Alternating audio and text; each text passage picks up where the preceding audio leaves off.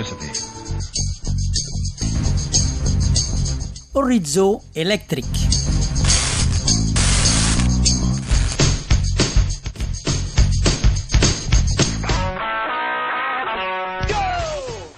En aquesta crònica hem parlat de cotxes, de moto, de vaixells. Avui prenem altitud. Des de l'Aeroclub de Sabadell s'enlaira la primera avioneta 100% elèctrica de Catalunya.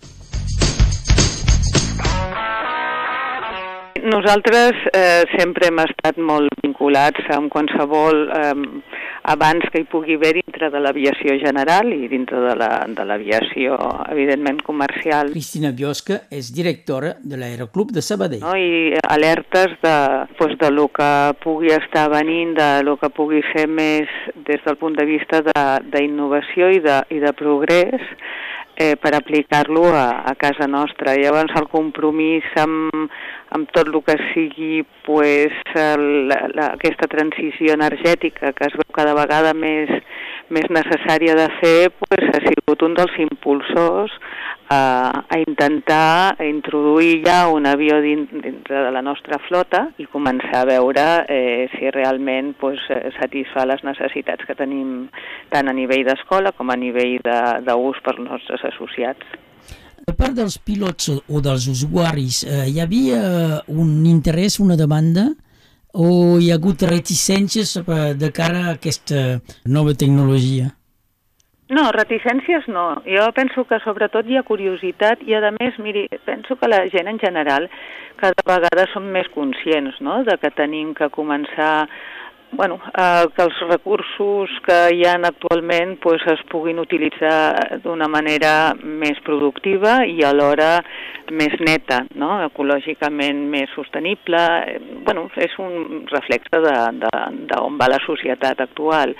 No, no, no, no ha hagut reticència, al contrari, jo ho he rebut amb més il·lusió que reticència. Eh, No sou pilot, què us ha arribat com a avantatge d'aquest eh, mòdul elèctric de, de propulsió?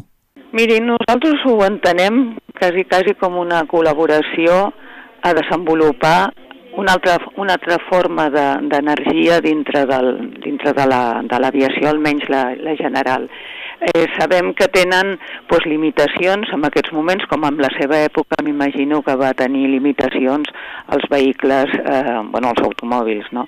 I la limitació del, del temps de la, del temps de vol, de l'autonomia de vol, és potser un dels factors més, més a tenir en compte, però alhora ens trobem pues, que és un avió que no, que no emet pràcticament gens de soroll, per tant, tota l'activitat que pugui estar als voltants d'una població, jo penso que pels propis habitants és un avantatge.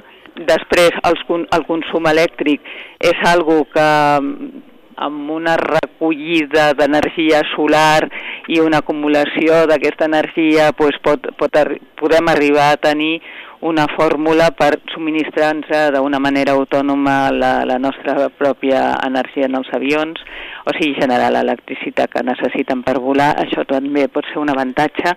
Aquesta avioneta vol molt més car que una avioleta clàssica No, en realitat, per, per les fases de vol que nosaltres tenim que substituir un tipus d'avió per aquest elèctric, eh, és una mica, sí que és una mica més, més cara, però no exageradament més, i nosaltres en realitat estem fent un renting que encaixa molt bé dintre de les nostres possibilitats. Suposo que els vostres eh, veïns de, de l'aeroport eh, deuen somiar que tots els avions siguin elèctrics, no? Sí, amb un sonòmetre hem, hem estat veient el, lo, lo, lo que ens estalviem de, de, de soroll i és important. I després les emissions, les emissions de CO2 que també s'ha de tenir en compte, o sigui, és un avió que no contamina. Mm. I això també és un avantatge per certes poblacions que estan, bueno, pues que són denses, no? Suposo que penseu que és el futur, eh, l'avioneta i en general eh, l'energia elèctrica per la mobilitat, per desplaçar-se.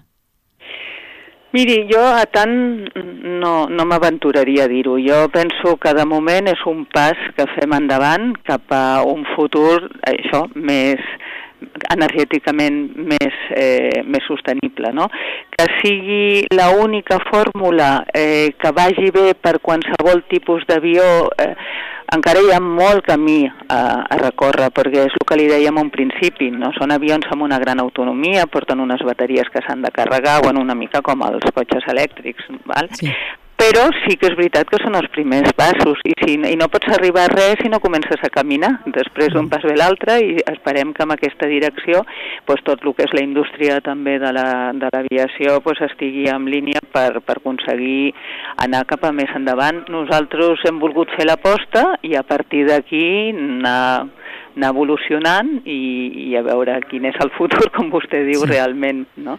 Suposo que és una avioneta petita. Quan, de quantes persones? De dos.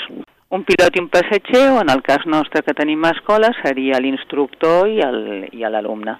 Cristina Biosca, moltes gràcies per aquestes uh, informacions. En tot cas, uh, tornarem a parlar uh, amb un pilot de com qui són els avantatges, l'interès d'aquesta avioneta. Des de l'aeroclub de, de Sabadell això és un pas endavant. Moltíssimes gràcies a vostè i tant de bo. Esperem que sigui així per bé de tots. Moltes gràcies. Adeu, bon dia. Horitzó elèctric. Hem parlat amb Cristina Biosca de l'Aeroclub de Sabadell des d'on vola la primera avioneta 100% elèctrica de Catalunya.